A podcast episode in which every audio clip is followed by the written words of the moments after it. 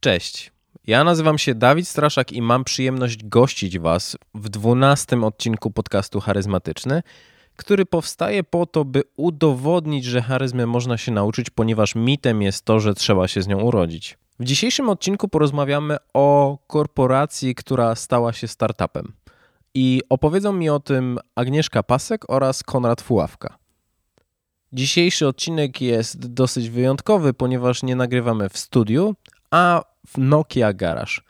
I właśnie o tym ciekawym miejscu, jakim jest Nokia Garage, chciałbym porozmawiać z moimi gośćmi, żeby wyjaśnili, co to tak właściwie jest, gdzie jest zlokalizowane, kto może korzystać e, z Nokia Garage oraz co ma na wyposażeniu. Ale bez niepotrzebnych wstępów zapraszam do wysłuchania tego, czym Agnieszka oraz Konrad się ze mną podzielili. Miłego podcastu.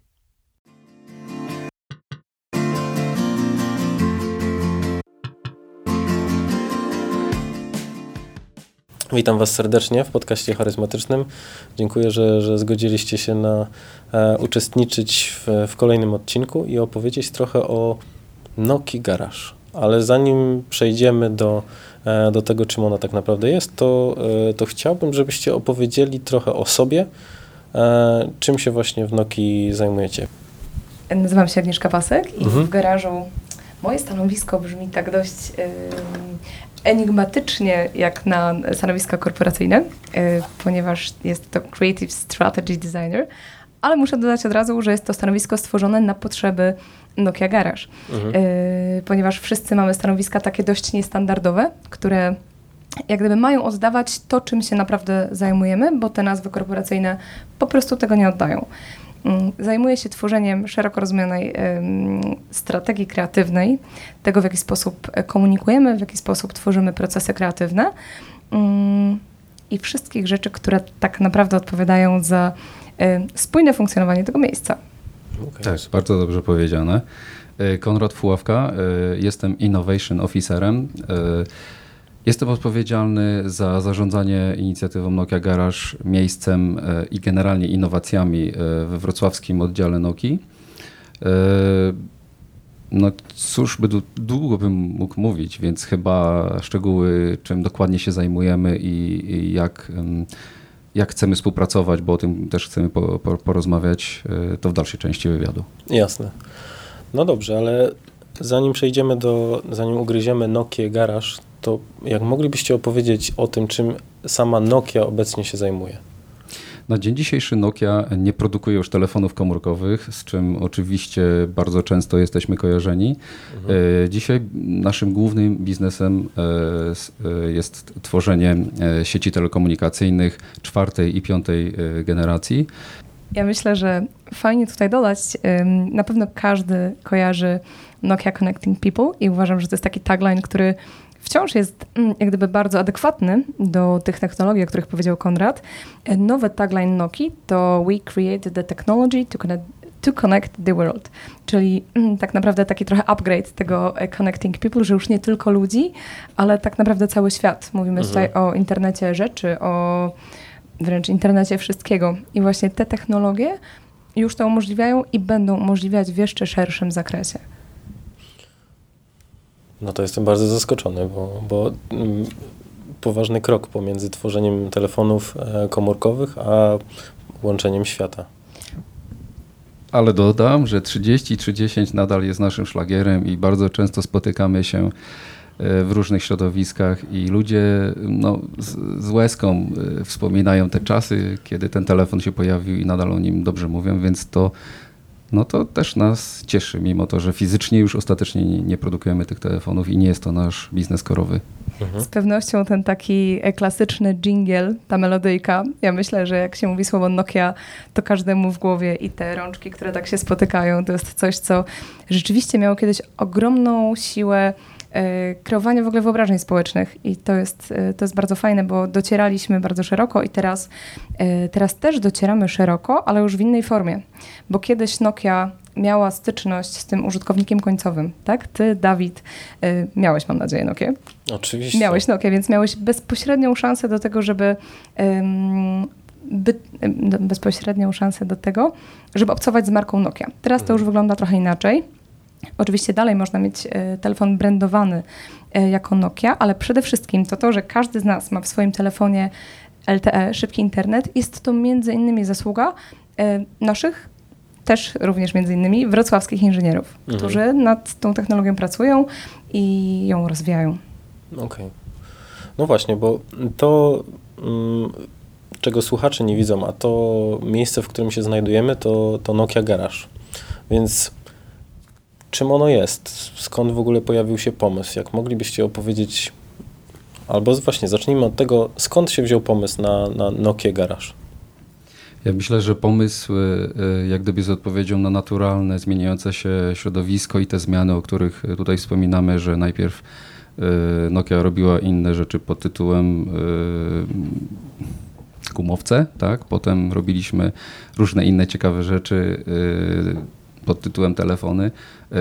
Teraz jest inna potrzeba i tak samo na ten moment w czasie zrodziła się potrzeba innowacji. Chcemy Chcemy wyjść na świat, chcemy otworzyć swoje drzwi szeroko mm, na szeroko rozumiany ekosystem i chcemy współpracować z otaczającymi nas ludźmi, więc stąd pojawił się pomysł, potrzeba, żeby powstało takie miejsce, bo oprócz ludzi, którzy oczywiście od ludzi się zaczyna, zawsze jest rozmowa, jest budowanie jakiegoś zaufania, budowanie relacji, to potrzeba jest gdzieś, żeby się spotkać, mieć namacalny namacalna część, namacalne miejsce, w którym te, te wszystkie rzeczy mogą się zmaterializować. No i właśnie takim, takim miejscem jest garaż. Mamy we Wrocławiu centrum R&D, w którym pracuje około 4000. R&D? Jest to Research and Development. Ja myślę, mhm. że w mhm. polsku to się nazywa chyba BIR, prawda? Badania i rozwój. Centrum Badawczo-Rozwojowe. Mamy, tak jak powiedziałam, około 4000 pracowników, z czego ogromna część, lwia część są to inżynierowie, którzy mają wysokie kompetencje, doskonale znają się na produktach, które rozwijają.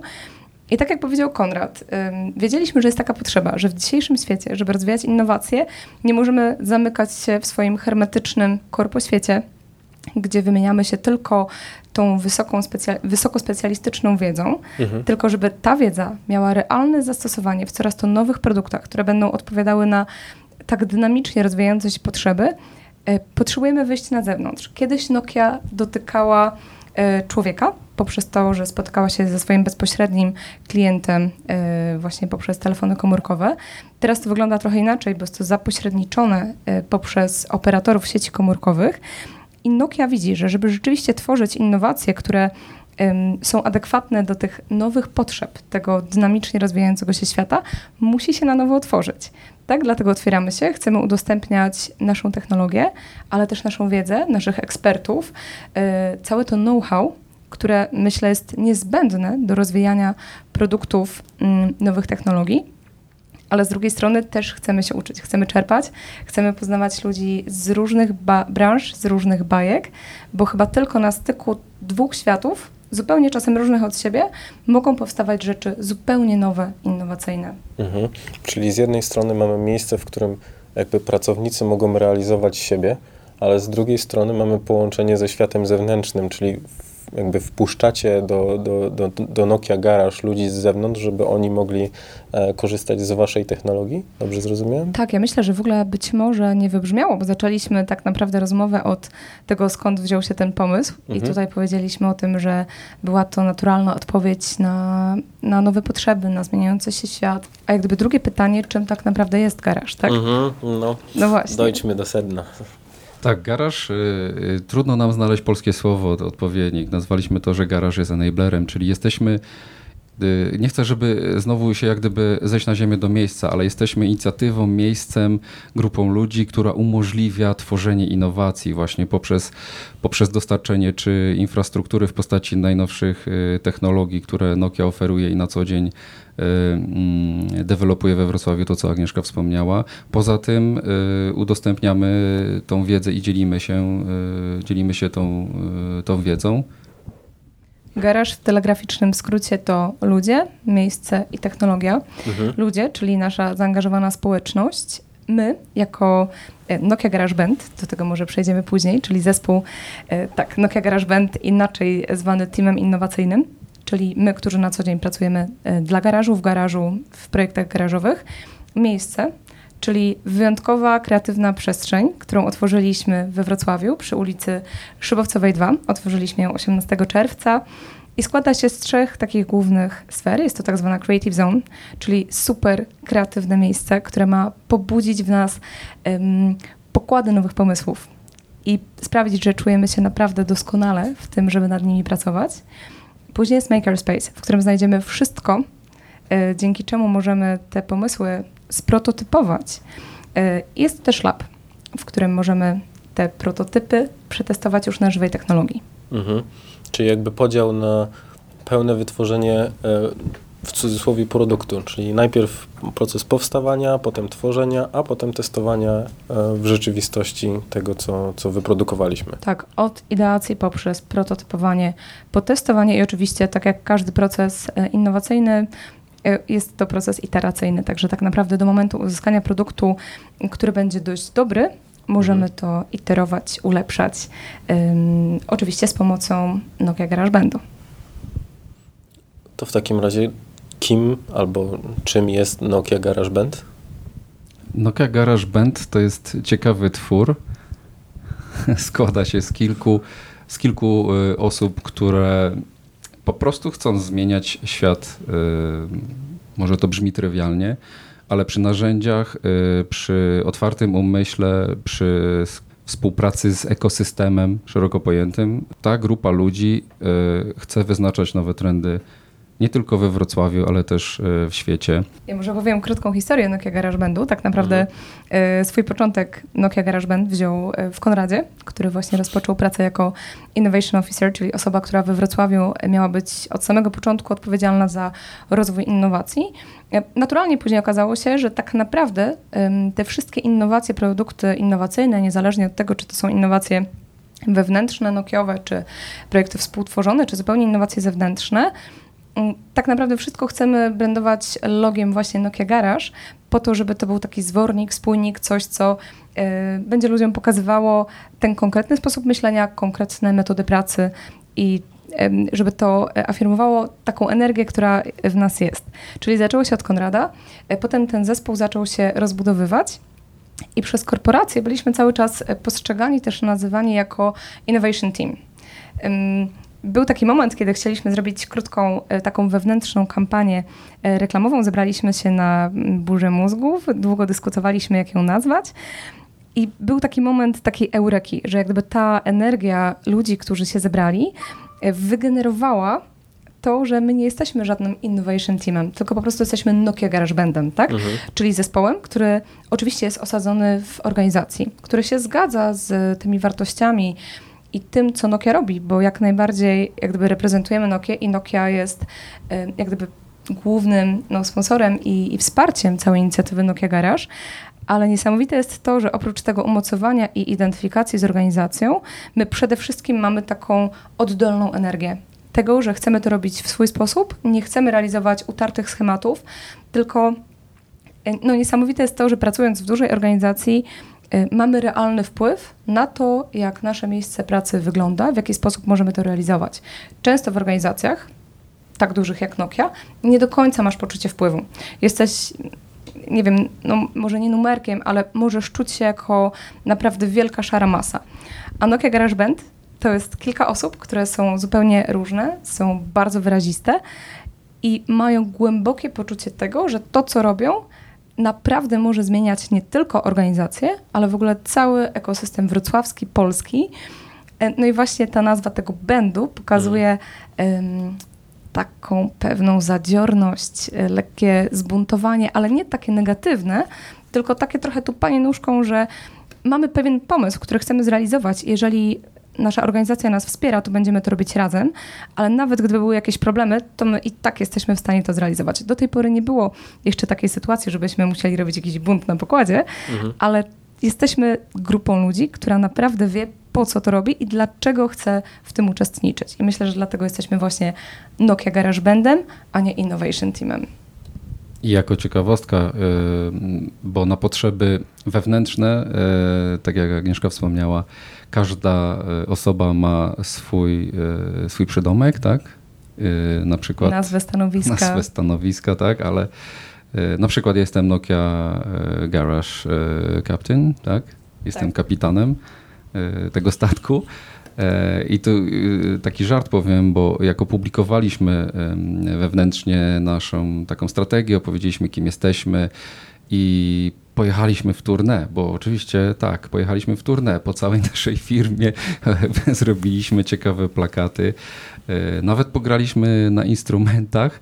Ale po samym wrocławskim biurze, czy zapuszczaliście się gdzieś dalej? E, na razie ograniczyliśmy się tutaj w naszych lokalizacjach, mhm. ponieważ mamy sześć lokalizacji we Wrocławiu, więc chwilę nam to zajęło, ale to co chciałem powiedzieć, że do dzisiaj gdzieś tam na takich wewnętrznych kanałach, co niektórzy ponieważ widzieli nas na plakatach z gitarami, z bębenkami i rzeczywiście nagraliśmy takie klipy z, z, muzyką, to do dzisiaj niektórzy mówią, no to ostatecznie kiedy na żywo zagracie, więc y, ta chwila nadejdzie i chyba już niedługo też zagramy, pokażemy, że też umiemy grać na instrumentach, a nie tylko na plakacie. No to taki to taki off-top, y, taka ciekawa Myślę, że fajne w tej historii jest to, że y, zaczęło się od tego, że chcieliśmy zrobić po prostu kampanię wewnętrzną, żeby ludzi poinformować. To było kilka miesięcy przed otwarciem garażu, że otworzy się Nokia Garaż, żeby ludzie wiedzieli, co to będzie, do czego to będzie służyło. No i mieliśmy kilka opcji, tak? Mogliśmy zrobić taką standardową kampanię na naszych kanałach wewnętrznych, puścić jakiś newsletter, ale jakby wiemy, że nasi ludzie mają naprawdę bardzo mocne filtry na to. I to nie tylko filtry w Outlooku, ale po prostu w głowie, jak przychodzi jakikolwiek mm, mail korporacyjny, to jak gdyby myślę, że jest to jeszcze lepsze miejsce do ukrycia trupa niż trzecia strona wyszukiwarki Google'a, bo naprawdę ludzie bardzo rzadko e, odszukują tam informacje. I stwierdziliśmy, że to musi być coś niestandardowego, że garaż jest tak niesamowitym miejscem, że naprawdę chcemy dotrzeć do każdego pracownika. Mhm. Więc właśnie zrobiliśmy taką kampanię, gdzie ubraliśmy się na rokowo, w skórzane ubrania, jakieś bandany, koszulki z lat młodości przynieśliśmy ogromną ilość instrumentów, zrobiliśmy właśnie sesję zdjęciową, z tego powstały plakaty, którymi oplakatowaliśmy wszystkie nasze biura. No i te plakaty to była taka trochę partyzantka, bo generalnie nie możemy plakatować przestrzeni, które nie są do tego wyznaczone. Wiedzieliśmy o tym, zrobiliśmy to. I mimo tego, że gdzieś tam później mieliśmy jakieś drobne problemy, jakieś upomnienia, to i tak do tej pory uważamy, że warto było, bo rzeczywiście ludzie robili sobie zdjęcia z tymi plakatami w windach, wysyłali do nas jakieś indywidualne wiadomości, że wow, mhm. że super plakat, kiedy gracie, bo naprawdę dotarła do nich jakaś taka zupełnie inna energia niż ta, która do tej pory e, w przestrzeni firmowej funkcjonowała. To nie były takie pokorne, e, grzeczne, świetnie zaprojektowane wiadomości, bo, bo taka jest Nokia. Jest naprawdę świetnie zaprojektowana. Wszystkie nasze plakaty, nasze wizuale są bardzo ładne, estetyczne, takie w punkt. Niemniej jednak jest, ich tak dużo, żeby się wyróżnić, no trzeba właśnie trochę się zbuntować i to też jako band zrobiliśmy. A powiedzcie mi, ile osób jest w Nokia Garage będzie? Na dzień dzisiejszy jest to 10 osób. Wszyscy mają y, pełne ręce roboty, że tak powiem. I to są ludzie dedykowani tylko i wyłącznie do, mm, do Nokia Garage? E, część osób jest e, dedykowana na full time, czyli na 100% wykonują zadania, czy generalnie są w garażu i, i współpracują wspólnie, a część osób jest z RD wspomagająca, czyli powiedzmy 20%, 30%. I to są różne zadania, różne odpowiedzialności. Wiele osób z nas w garaż będzie, y, to, to jest wszystko nowe dla nas, prawda? Y, przy normalnym biznesie korowym piszemy kod, testujemy, piszemy specyfikacje, czyli przygotowujemy produkt do, mm, dla operatora w garaż będzie y, rozpoczynamy od zera, czyli mamy ideę, zastanawiamy się, co z tym dalej zrobić, ale potem wkraczamy na ścieżkę, że musimy się poprzepychać y, z firmą, żeby złożyć zamówienie. Y, potem musimy mm, pójść i to zamówienie przeprocesować, a następnie zaplanować akcję pod tytułem event i ostatecznie zastanowić się, bo przecież ja na przykład nigdy nie robiłem eventu, to jak to zrobić, więc to chciałem pokazać. Jest przekrój różnych zadań. Ludzie E, z, z, otwartością umysłu, nie boją się e, ciekawych wyzwań, bo przecież innowacje to nie tylko siedzenie i napawanie się sukcesem albo opowiadanie o pomyśle, to też taka trudna, codzienna praca i to wszystko potrafimy połączyć w zespole i z tym czujemy się dobrze. I to powoduje, że idziemy z każdym, z każdym dniem do przodu i to jest super, ale to też są innowacje, prawda? Czyli mam, mam wrażenie, że, że to jest taki, taka forma startupu, która powstaje w, w firmie.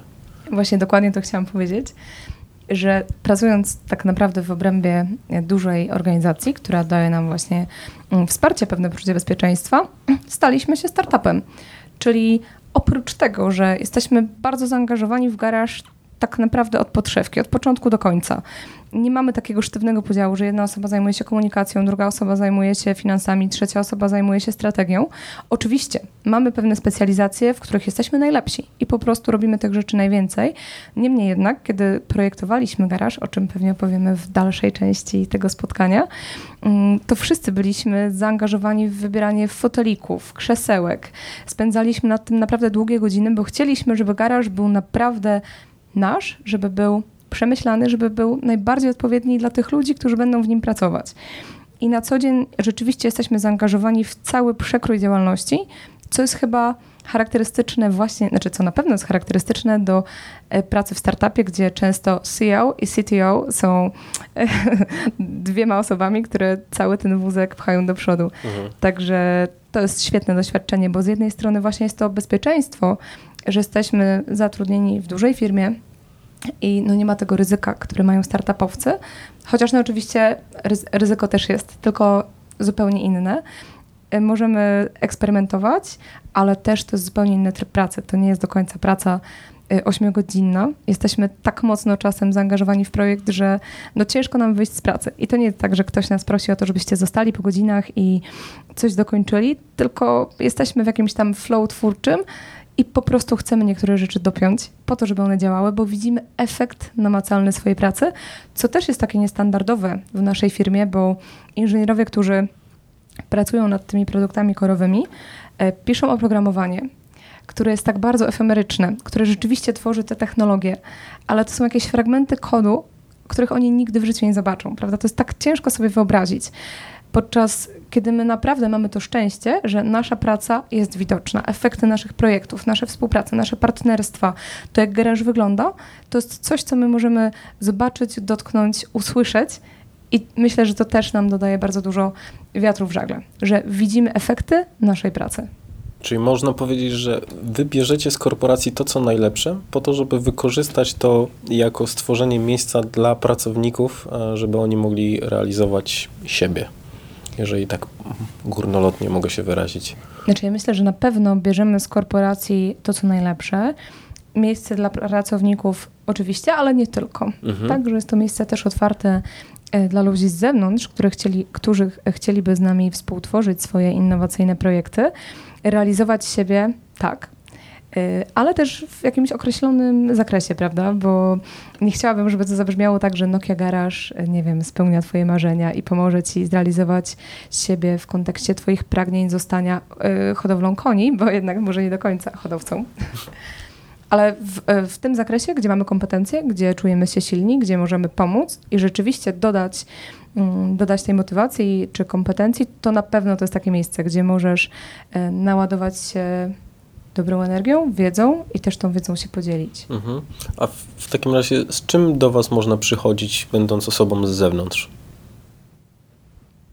Przede wszystkim y, chcemy uczestniczyć y, w rozwijaniu innowacji y, w oparciu o naszą technologię, o, na, mhm. o, o technologię, na której się znamy, bo tak jak już Agnieszka wspomniała, nie znamy się na wielu rzeczach i nie chcemy zapraszać ludzi do współpracy w obszarach, których nie mamy pojęcia. Prywatnie możemy się spotkać, porozmawiać, ale to, na czym się znamy, to technologia, czyli e, budowanie e, przyszłości, e, wirtualna rzeczywistość, rozszerzona rzeczywistość, czwarta i piąta generacja sieci komórkowych, na tym najlepiej się znamy.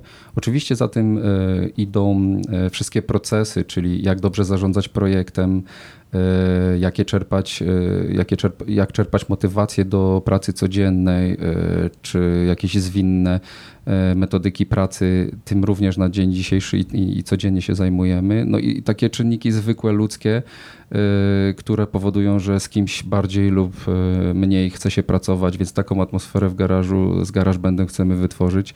I z takimi ludźmi się chcemy spotykać i to chcemy dawać najlepszego, czyli tworzyć wspólne projekty, zapraszać do wspólnych inicjatyw, gdzie możemy się podzielić wiedzą, czyli meetup, workshop, hackathon, ale tak jak powiedzieliśmy, wszystkie te rzeczy powinny mieć jakąś namiastkę albo związek z technologią, na której się znamy i z którą jesteśmy w stanie się podzielić. Oczywiście niewykluczone jest, że za chwilę, nie wiem, za rok być może ze współpracy na przykład ze startupami czy z małymi jakimiś przedsiębiorstwami Y, stworzymy projekt, który jeszcze, nie wiem, nie istnieje. To też jest możliwe, ale oczywiście y, możemy sobie teraz gdybać, y, ale to taką, taką bierzemy też jak gdyby opcję pod uwagę i tutaj się też nie zamykamy oczywiście.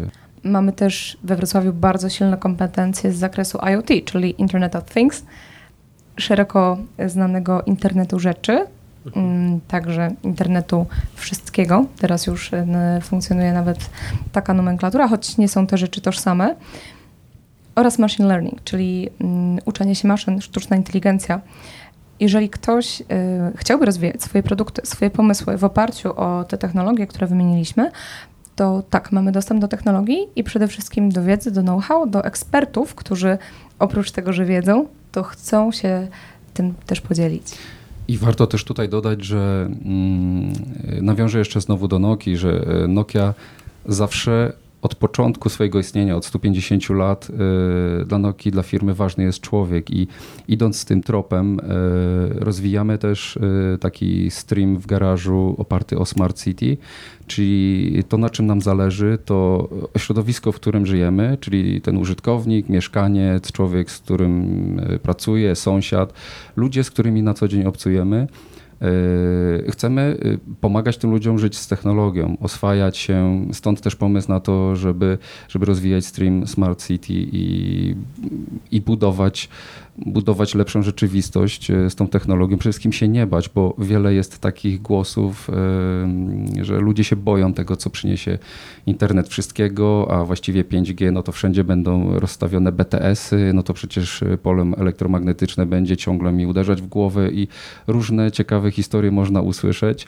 E, my te mity chcemy wszystkie obalić, bo to, bo to nie jest tak po prostu i, i też po to powstał ten, po to powstał ten stream w garażu, Nokia Garage, E, Smart City, żeby, żeby pokazać, że technologia to przyszłość i od tego nie uciekniemy.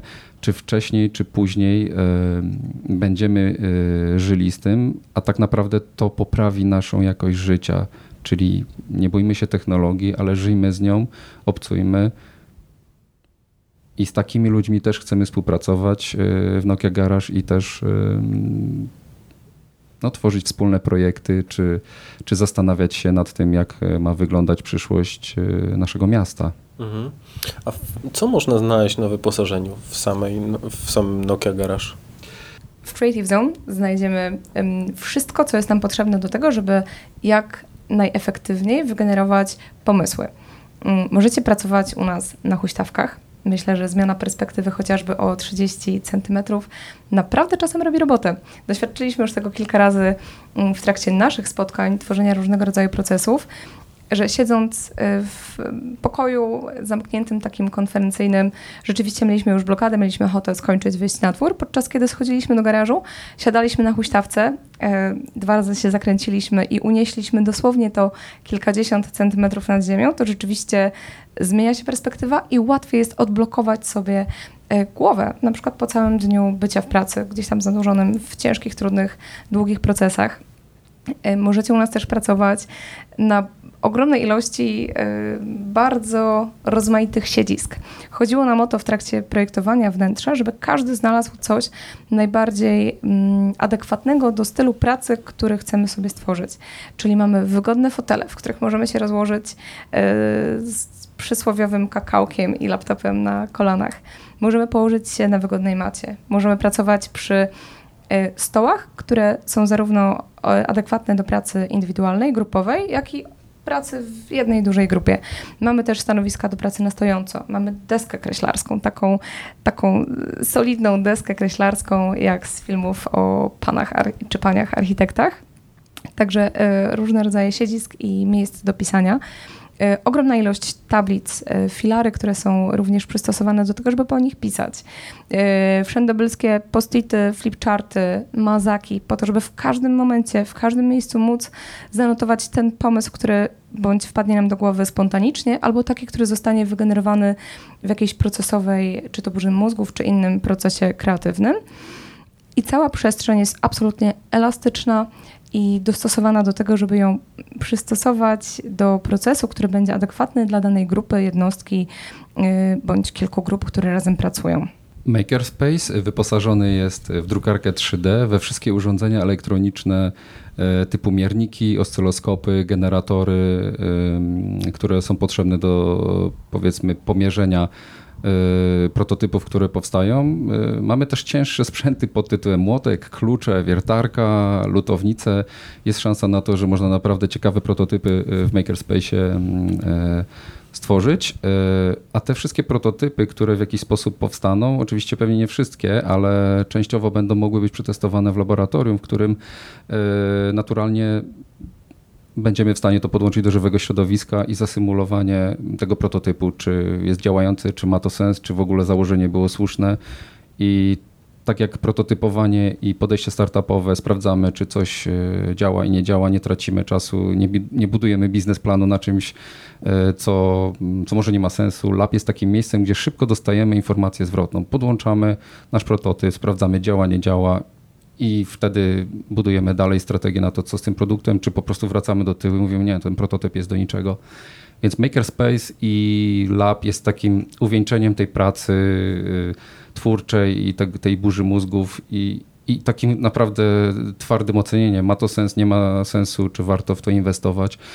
Bo, bo to, co powiedzieliśmy, Creative Zone, Makerspace i, i, i Lab to jest część jak gdyby podejścia startupowego. Musimy, mamy pomysł, zróbmy szybko prototyp, przetestujmy i sprawdźmy, czy to, w co chcemy zainwestować albo co sprzedać potencjalnemu klientowi ma sens, prawda? I to chcemy pokazać, że szybko failujmy, y, zanim pójdziemy za daleko i zainwestujemy pieniądze, które właściwie się nie zwrócą, albo w ogóle po co to robimy, prawda? Więc chcemy po pierwsze pokazać ten proces y, w Nokia Garage, a po drugie chcemy ludzi też, y, naszych pracowników też i nie tylko, uczyć, że no, upadki czy y, failowanie też jest częścią y, biznesu, prawda?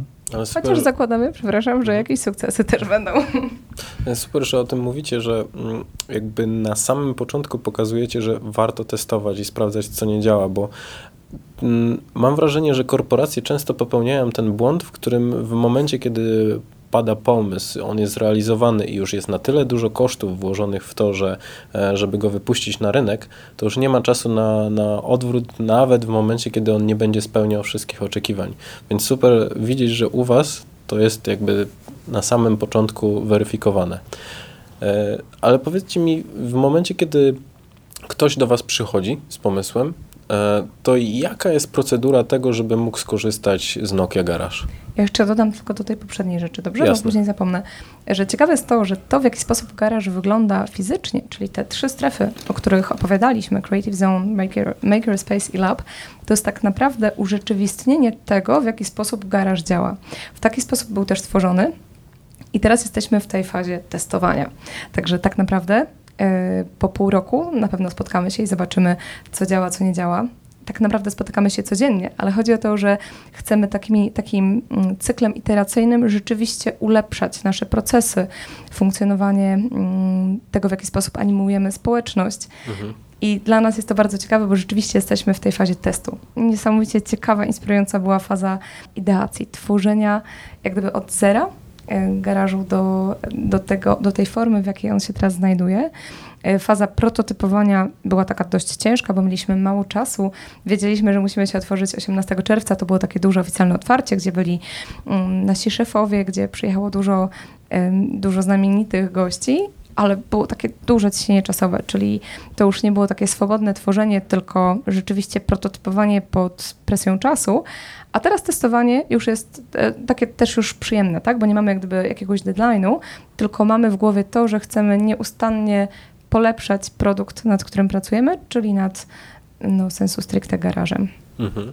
Tak, i właśnie warto dodać, że Nokia Garage był naszym pierwszym projektem, e, który właściwie wykonaliśmy, bo tak jak Agnieszka wspomniała, e, była ideacja, było prototypowanie, e, brak czasu, były starcia, zastanawialiśmy się, coraz czasu było coraz mniej, więc tak naprawdę to był nasz pierwszy projekt który przepracowaliśmy w Nokia Garage i też warto powiedzieć, że w tym pierwszym naszym projekcie uczestniczyły grupy, mm, nie tylko te grupy docelowe, które chcielibyśmy, z którymi chcielibyśmy współpracować, czyli e, osoby mm, z uczelni, studenci, e, wrocławianie, startupy, przedstawiciele miast, ci wszyscy ludzie, ci nasi partnerzy, ci wszyscy ludzie byli zaproszeni do tworzenia tej przestrzeni mm, garażowej przy użyciu metody design thinking i tutaj mm, Myślę, że moglibyśmy drugi podcast e, nagrać na, na ten temat, e, ale przepracowaliśmy to, co chcę powiedzieć, przepracowaliśmy to już na początku. Pierwszym projektem e, jest Nokia Garage. I teraz y, zapytałeś, y, jak do nas trafić, czy jakie są procedury y, przyjęcia, czy, czy współpracy z nami. Na dzień dzisiejszy mm, nie chcemy iść w ilość, prawda? Zależy nam na selektywnym doborze partnerów, selektywnym doborze osób, z którymi chcemy współpracować i takie osoby, które mm, chciałyby z nami współpracować na podstawie tego, co powiedzieliśmy i na stronie, y, którą, y, którą można odwiedzić, chcemy zwyczajnie usiąść i porozmawiać. Chcemy porozmawiać y, przede wszystkim czy mamy podobne skojarzenia odnośnie innowacji, czy mamy podobne pomysły, czy generalnie jesteśmy w stanie zbudować jakąś relację, a potem przechodzimy do kolejnych etapów pod tytułem, czy ten pomysł da się zrealizować, kto powinien uczestniczyć czy w całym procesie, jaką metodę zastosować, żeby ewentualnie poprawić albo sprawdzić właśnie na szybko, czy ten pomysł w ogóle ma sens, czy jesteśmy zainteresowani, no i gdzie tam jest też nasza technologia, bo bo, bo tym chcemy się na początek dzielić i wokół tego chcemy e, budować e, nie tylko grupę ludzi, z którymi współpracujemy, ale całe community e, osób, które będą z nami współpracować nie tylko nad projektami, ale także dzielenie się wiedzą, uczestniczeniu w, we wspólnych eventach, hackathonach, we wspólnych potencjalnie mm, ciekawych projektach. Współpraca jest zawsze szyta na miarę. Zanim zrealizowaliśmy, udało nam się stworzyć ten prototyp, czyli już fizycznie istniejący garaż, braliśmy udział w ogromnej ilości inicjatyw. Byliśmy partnerami wielu programów akceleracyjnych, wielu mm, inicjatyw, które właśnie startupy czy innowatorów miały wspierać, po to, żeby się przyglądać. I rzeczywiście to nam dało bardzo duży bagaż doświadczeń. Wiemy, które wzorce pracy, metod chcemy powielać, które są dla nas dobre i przydatne. A co dla nas jest ważne, to to, żeby pracować z ludźmi, którzy już teraz na początku mają w sobie taką świadomość przedsiębiorcy, tak? którzy chcą robić te swoje produkty, dlatego że są zmotywowani wewnętrznie, że widzą w tym sens, widzą, że to rzeczywiście zmieni rzeczywistość wokół nich nie chcemy, żeby motywacją były pieniądze, nie chcemy, żeby motywacją były, były dotacje, bo wtedy, kiedy te, te dotacje się kończą, to utnie się motywacja. I dlatego mamy taką strategię, że z każdym startupem, z każdym człowiekiem, grupą, uczelnią yy, współpracujemy indywidualnie, szyjemy rozwiązania na miarę. Bardzo łatwo e, ten proces tak naprawdę wygląda, bo jeżeli ktoś chciałby z nami, z naszymi ekspertami przy użyciu nokiowych technologii swój produkt rozwijać, wystarczy, że wejdzie na stronę nokiagarage.pl, może przyliteruję nokiagarage.pl. Będzie podlinkowane, więc. Będzie spokojnie. podlinkowane, super. Mm, wystarczy wejść w zakładkę Start. I tam jest formularz. I w tym formularzu prosimy o uzupełnienie kilku informacji, gdzie opisujemy swój pomysł. I wtedy my, jako Nokia Garage Band, y, co tydzień, kilka razy w tygodniu przeglądamy sobie te zgłoszenia i te, które rzeczywiście są zbieżne, y, te, w których możemy pomóc. Mhm. Mm, spotykamy się z tymi ludźmi, zastanawiamy się, gdzie możemy pójść dalej. I kolejnym krokiem, w momencie, kiedy już się z takim człowiekiem spotkamy i widzimy potencjał, jest zrobienie razem czegoś małego. Jakiegoś poka, proof of concept, coś takiego, co pokaże, jak nam się razem pracuje. Bo nie wiem, pewnie macie takie doświadczenie, że często rozmowy kwalifikacyjne zupełnie nie oddają tego, jak później się z danymi ludźmi pracuje. I ja w ogóle mhm. mam takie doświadczenie właśnie z stworzenia garażu, tak jak Konrad już wspomniał, garaż powstał w procesie design thinking, który trwał kilka tygodni i pracowaliśmy w zespole, który pracował razem bardzo intensywnie, wieczorami, po godzinach. i naprawdę mogliśmy zaobserwować, jak z tymi ludźmi się pracuje. I pod koniec procesu zdarzyło się tak, że część z tych ludzi w ogóle zatrudniliśmy do Nokia Garage Bandu, ale to w ogóle nie, był, nie takie było założenie. Po prostu chcieliśmy ten proces przeprowadzić razem z tymi, którzy będą potencjalnymi odbiorcami tej przestrzeni. Oni się tak bardzo zaangażowali w, pro, w produkt, w projekt, że już zaczęli go naprawdę zmieniać, ulepszać, nawet w swoim czasie wolnym i wiedzieliśmy, że po prostu dobrze nam się razem pracuje. I uważamy, że wchodzenie we współpracę zawsze powinno być poprzedzone zro zrobieniem razem czegoś małego. Jakiegoś małego, nie wiem, czy design sprintu, czy hackathonu, czy workshopu, czy czegoś, co pokaże, w jaki sposób e, przebiegają w ogóle też interakcje. Bo nawet jeżeli ktoś ma genialny pomysł i zna się na technologii i ta technologia wpisuje się w technologię Noki, ale nie będziemy w stanie pracować w zespole, co jest dla nas bardzo ważne, to być może nie damy rady takiej osobie pomóc. Dlatego chcecie... zawsze jest formularz, potem spotkanie, a potem zrobienie razem czegoś małego i dopiero jeżeli te wszystkie trzy etapy klikną po obu stronach, bo jak gdyby dla nas jest ważne, że my chcemy rozwijać ten produkt i ta osoba też chce, ale z nami, mm, to wtedy rozwijamy go już w takiej ścieżce trochę bardziej oficjalnej, mm, popartej jakimiś umowami i tak dalej. Mhm. I co w momencie, kiedy mm, taka osoba, czy też organizacja, która z Wami zaczyna współpracować, wymyśli nowy internet? W jaki sposób e, widzicie dalszą współpracę? To jest tak, jak Agnieszka wspomniała, e, każde rozwiązanie jest szyte na miarę i tak samo każda osoba, każdy pomysł, każdy krok, który zrobimy, jest krokiem indywidualnym, czyli zastanowimy się nad tym, e, czy jest to nam obydwojgu po drodze oczywiście wchodzą tutaj ścieżka legislacyjna i umowy licencyjne, czy generalnie sprawy, które wiążą się z szeroko pojętym mm, IP. Te wszystkie rzeczy e, są szyte na miarę. Siadamy, rozmawiamy, zastanawiamy się, czy dzielimy się zyskami, czy y, udostępniamy licencję, czy przy użyciu naszego hardware'u y, ktoś dostarcza tylko aplikację, a sprzedajemy to jako produkt. To wszystko będzie zależeć od tego, y, jaki będzie pomysł na produkt, czy ktoś będzie chciał skorzystać z, z, szeregu sieci kontaktów, jakie Nokia ma i żeby dany produkt globalnie wyskalować, czy tylko na mniejszą skalę, czy zakończenie produktu, to wszystko e, można by mnożyć takich scenariuszy. No to wszystko jesteśmy przygotowani. E, oczywiście zajmie to dużo czasu, ale wiemy, że ten czas będzie wykorzystany mądrze. Przede wszystkim obie strony z tego skorzystają i wyjdziemy z tym e, z podniesioną głową, że zrobiliśmy coś, co ma sens. Ja przede wszystkim myślę, że jeżeli w Nokia Garage powstanie nowy internet, to ten podcast sprawi, że do końca życia nie będziesz musiał pracować. Czy możecie się pochwalić jakąś współpracą e, w Nokia Garage i ktoś? Tak, e, ciekawa współpraca wywiązała się z miastem Wałbrzych. Tak jak wcześniej wspomniałem, Nokia Garage ma w swojej strategii rozwój streamu od nogi, jakkolwiek to powiemy po polsku, e, Smart City, czyli w jaki sposób technologie, najnowocześniejsze technologie, których jesteśmy częścią, wpływają na nasze życie. E, z miastem e, Wałbrzych mm, mieliśmy taki case, czy mamy taki case, że przede wszystkim to, co powiedziałem, dużo rozmawiamy, zarówno z miastami, czy z lokalnymi władzami. No i tak jak wszędzie, tak samo jak w Wałbrzychu, we Wrocławiu są problemy i z korkami, i z zanieczyszczeniem, i generalnie problemy e, miejskie. No i, i przy okazji jednej takiej rozmowy e, padło pytanie, a co moglibyśmy zrobić e, z, ze śmieciami? No wszyscy mają problemy ze śmieciami.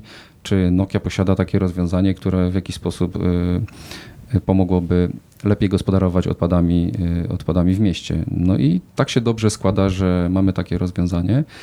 E, e, I na ten moment uruchamiamy mały projekt w postaci proof of concept, czyli takiego triala w mieście Wałbrzychu na kilkanaście śmietników w mieście, w których będą zamontowane czujniki, które będą mierzyły poziom zapełnienia sygnały o tym, e, w jaki sposób, jak, jak bardzo są wypełnione, będą wysyłane do odpowiedniej aplikacji, która będzie się komunikowała z zarządcą, czyli z firmą, która, która zarządza odpadami w mieście.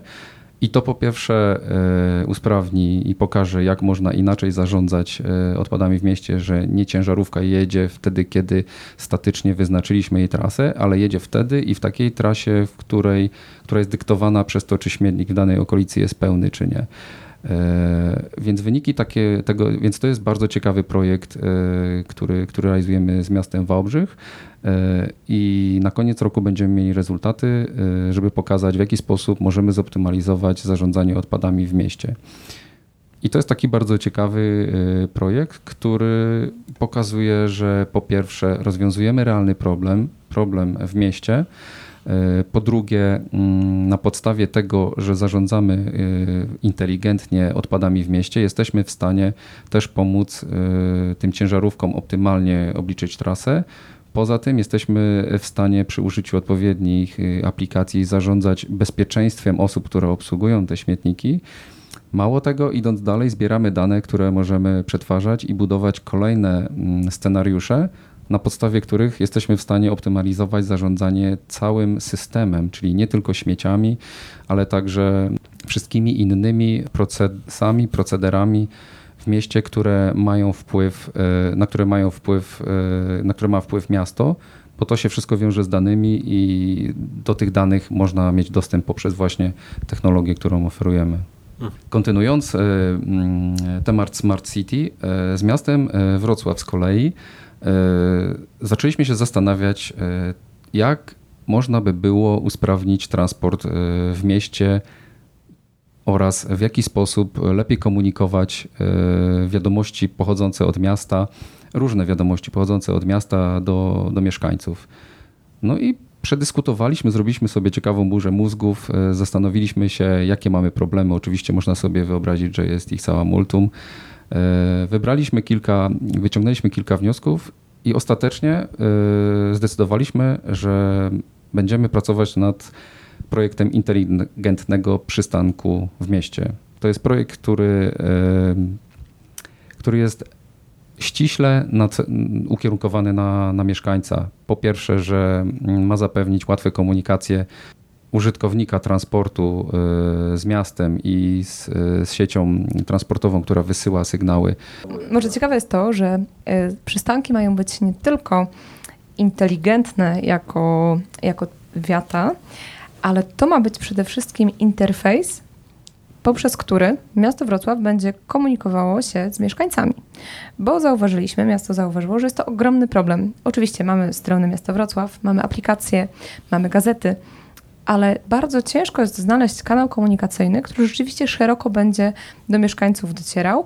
I często ludzie na przykład wracają do domu, okazuje się, że jest przerwa dostawy prądu albo wody i nie wiem, zaczynają się telefony, Ciężko jest sobie z tym poradzić.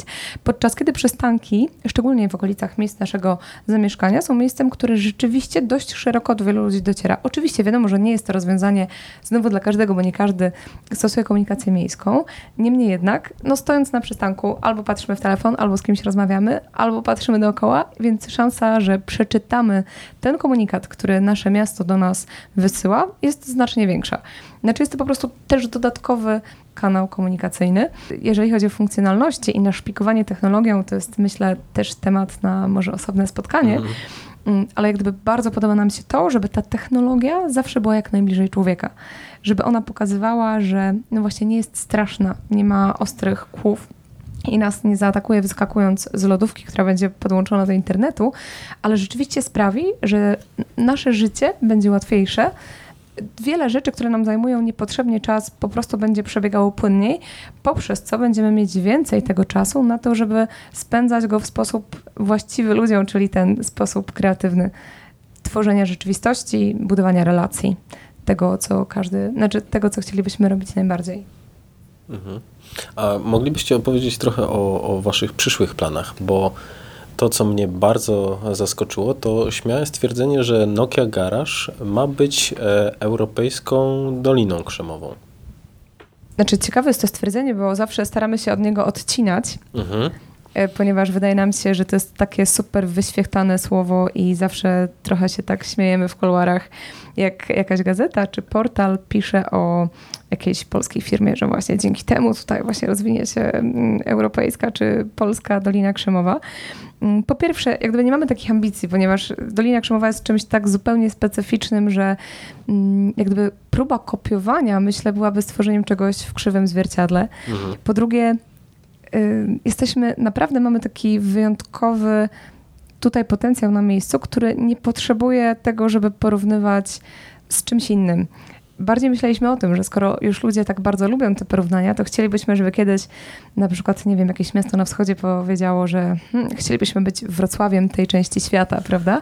Chociaż naprawdę nie zachęcamy do porównań, bo y, myślę, że ani my, ani żadne miasto na wschodzie, tak jak powiedziałam, czy jakiekolwiek inne miasto, które chce się rozwijać, które ma zdolnych ludzi, które ma wolę przemieniania rzeczywistości wokół siebie, nie ma powodów do tego, żeby mieć kompleksów. I nie każdy od razu musi chcieć być Doliną Krzemową Europy. Dolina Krzemowa z pewnością jest bardzo inspirująca i nas też inspirowała przez lata. Myślę, że i Nokia, i i wielu naszych menadżerów, którzy też, też tam podróżują i inspirują się nowinkami.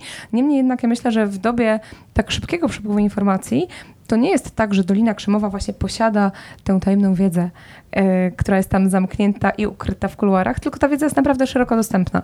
Więc jak gdyby chcemy czerpać z dobrych wzorców, ale nie chcemy kopiować tego, co i tak niekopiowalne. Mhm.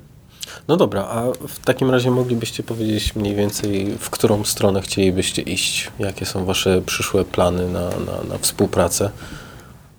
Przede wszystkim chcemy powalczyć o to, żeby miasto, w którym żyjemy, e, było stolicą, europejską stolicą innowacji, tak jak e, swojego czasu e, Wrocław był miastem spotkań, tak?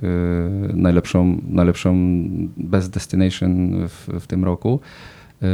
To poprzez pokazanie, że garaż wprowadza do tkanki miejskiej technologię poprzez projekty, y, pokazuje, że dlaczego nie zawalczyć o, no, o to, żeby, była, żeby Wrocław był europejską, europejską stolicą e, mm, innowacji przy naszym wsparciu.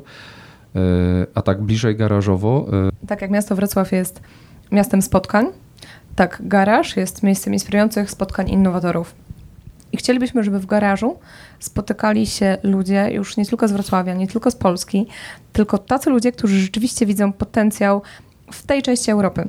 Bo wiemy, że mamy niesamowicie zdolnych ludzi, którzy chcą robić, chcą działać i nie chcemy, żeby stąd uciekali, musieli wyjeżdżać do Doliny Krzemowej. Oczywiście dobrze, żeby pojechali, dobrze, żeby zobaczyli, doświadczyli czegoś nowego, ale żeby garaż trochę odczarował te wszystkie nasze jakieś kompleksy i pokazał, że rzeczywiście tu na miejscu mamy wszystko, czego nam potrzeba do tego, żeby się rozwijać na takim światowym, wysokim, niesamowitym poziomie. Mhm.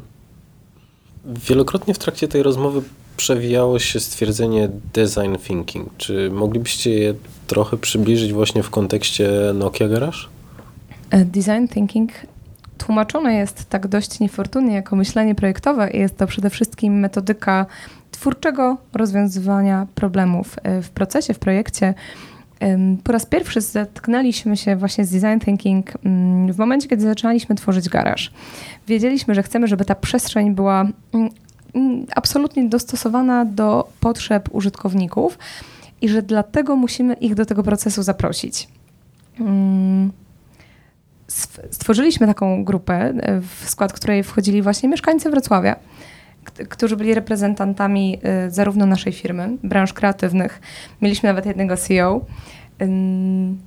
I przez kilka tygodni popołudniami spotykaliśmy się w takim moderowanym procesie, który był, y, myślę, że też warto dodać, który był tworzony przez studentki z Koła Naukowego Design Thinking, które rzeczywiście bardzo się w ten proces zaangażowały, a dwie z nich teraz z nami pracują, także myślę, że to też jest potwierdzenie tego, że wspólna praca rzeczywiście, oprócz tego, że rewelacyjnie integruje, to jest w stanie sprawdzić naprawdę kompetencje tych ludzi, z którymi współpracę chcemy rozpocząć. I tak jak już mówiłam, spotykaliśmy się po to, żeby zrealizować pięć kroków procesu design thinking, rozpoczęliśmy od empatyzacji, od tego, żeby zastanowić się, czego tak naprawdę ci nasi przyszli użytkownicy potrzebują, co jest dla nich najważniejsze, co sprawia, że ich pomysły się odblokowują, co sprawia, że czują się komfortowo i naprawdę mogą w tym swoim twórczym flow siedzieć godzinami. Oczywiście nie chodzi nam o to, żeby ludzie przestali wracać do domu po pracy, ale że w momencie, kiedy mają projekt, od którego nie chcą się odrywać i chcą w jakimś takim logicznym ciągu coś kontynuować, to żeby rzeczywiście było im komfortowo, wygodnie i po prostu najlepiej. Mm, zauważyliśmy bardzo szybko, że różni ludzie pracują inaczej, że różne są nasze potrzeby i nie da się stworzyć miejsca, które kompleksowo będzie odpowiadało na potrzeby każdego. Dlatego też odpowiedzią, która wyszła właśnie w trakcie tego procesu, było to, co możecie zaobserwować w garażu, czyli to, że miejsce jest absolutnie elastyczne, modułowe. Wszystkie meble e, są na kółkach. Każdy może e, ustawić przestrzeń, zaaranżować w taki sposób, żeby ona naprawdę odpowiadała na te potrzeby. I rzeczywiście nam się to sprawdza. Ja myślę, że każdego dnia mamy taką niespodziankę.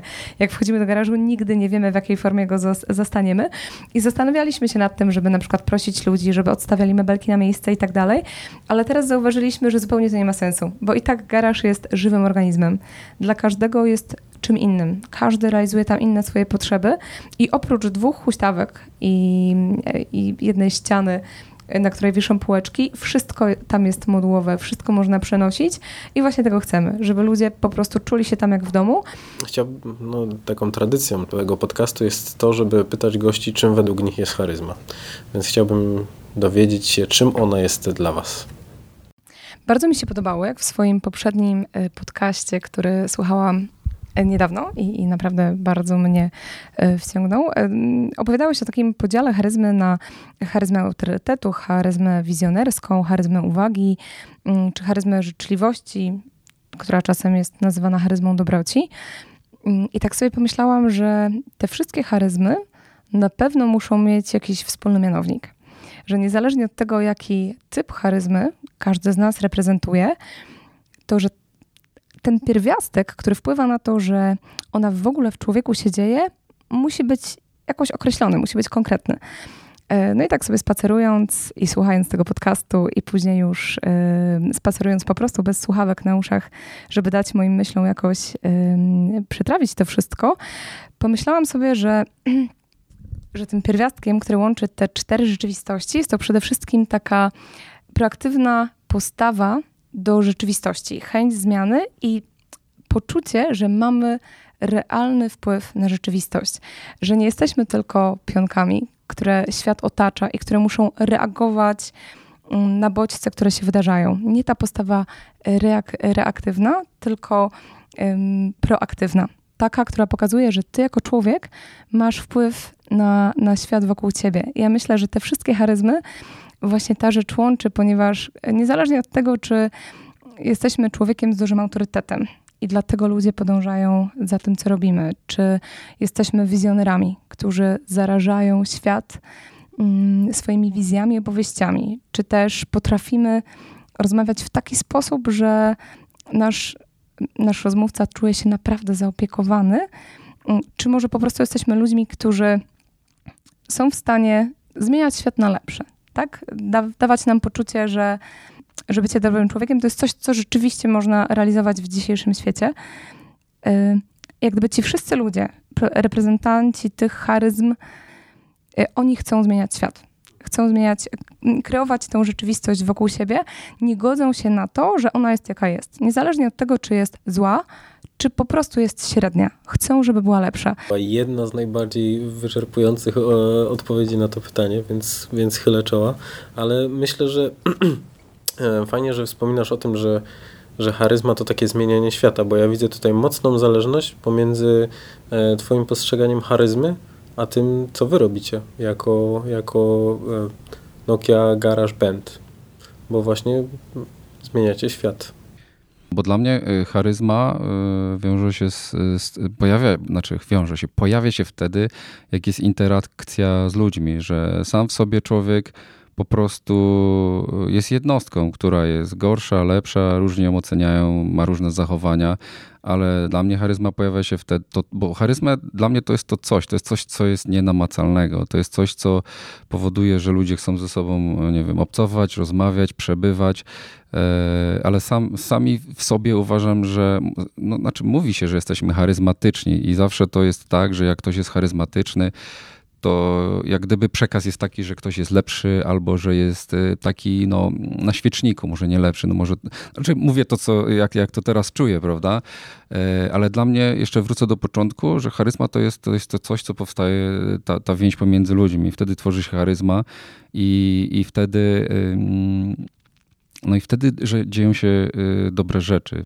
A ja chciałabym się jeszcze odnieść do tego, Dawidzie, co powiedziałeś o tym, że zmieniamy świat. I takie stwierdzenie, że zmieniamy świat, myślę, że od początku sprawia, że ktoś się cofa, myśli sobie, matko, jakie to jest pompatyczne. W ogóle to zupełnie nie ja. Ja nie zmieniam świata.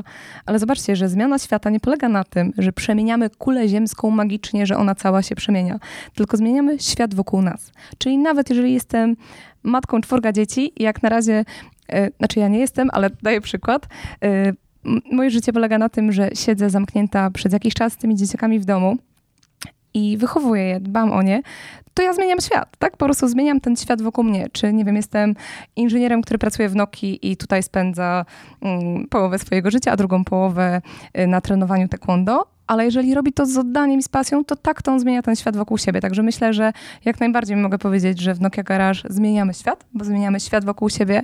Ja myślę, że ty zmieniasz świat robiąc ten podcast. Jeżeli każdy ten swój mały wycinek świata będzie robił najlepiej w proaktywnej postawie, z wykorzystaniem tej charyzmy, którą ma, to po prostu ten świat będzie się zmieniał dzięki tym ludziom, którzy go zmieniają. Paolo Coelho. E, no cóż, to, to wszystko z mojej strony. Chociaż jeszcze mam jedno pytanie. W momencie, kiedy ktoś chciałby się z Wami skontaktować, to najlepiej to robić przez stronę internetową? Tak, nokiagarage.pl, e, tam jest formularz, e, kilka zdań można napisać, zostawić kontakt. Jeżeli ktoś nie chciałby nawiązywać współpracy, tylko po prostu powiedzieć wam, ej, fajna robota, ja myślę, że formularz jest najlepszą do tego metodą. Można napisać, hej, fajna robota i na pewno się odezwiemy. E, niezależnie od tego, jakie rzeczy ludzie piszą na formula poprzez formularz, czy one są zbieżne z naszym biznesem, czy nie, znaczy zawsze się do tego ustosunkowujemy. Dobra. No cóż, to ja dziękuję Wam serdecznie za, za Wasz udział. To był e, no, bardzo pouczający i otwierający na, na pewne kwestie odcinek, więc e, ja trzymam mocno kciuki za to, żebyście, e, żebyście zrealizowali swoje plany. No i żeby Nokia Garage rosło w siłę. Dziękujemy Ci bardzo, Dawidzie. Chciałam powiedzieć, że fantastycznie się biega z Twoimi podcastami na uszach. Dziękujemy bardzo ale zanim wejdziecie na stronę Nokia Garage, to mm, serdecznie chciałem Wam podziękować za to, że wysłuchaliście kolejnego odcinka i, i chciałem dać Wam znać, że w momencie, jeżeli chcielibyście się dowiedzieć, co dzieje się z podcastem charyzmatycznym w międzyczasie, to zapraszam Was serdecznie na, do social mediów, na Facebooka, na Instagrama oraz na LinkedIn. E, tam będziecie z podcastem na bieżąco. No i jeżeli macie jakiekolwiek komentarze albo sugestie, to dawajcie znać. Dzięki wielkie i do usłyszenia w następnym odcinku.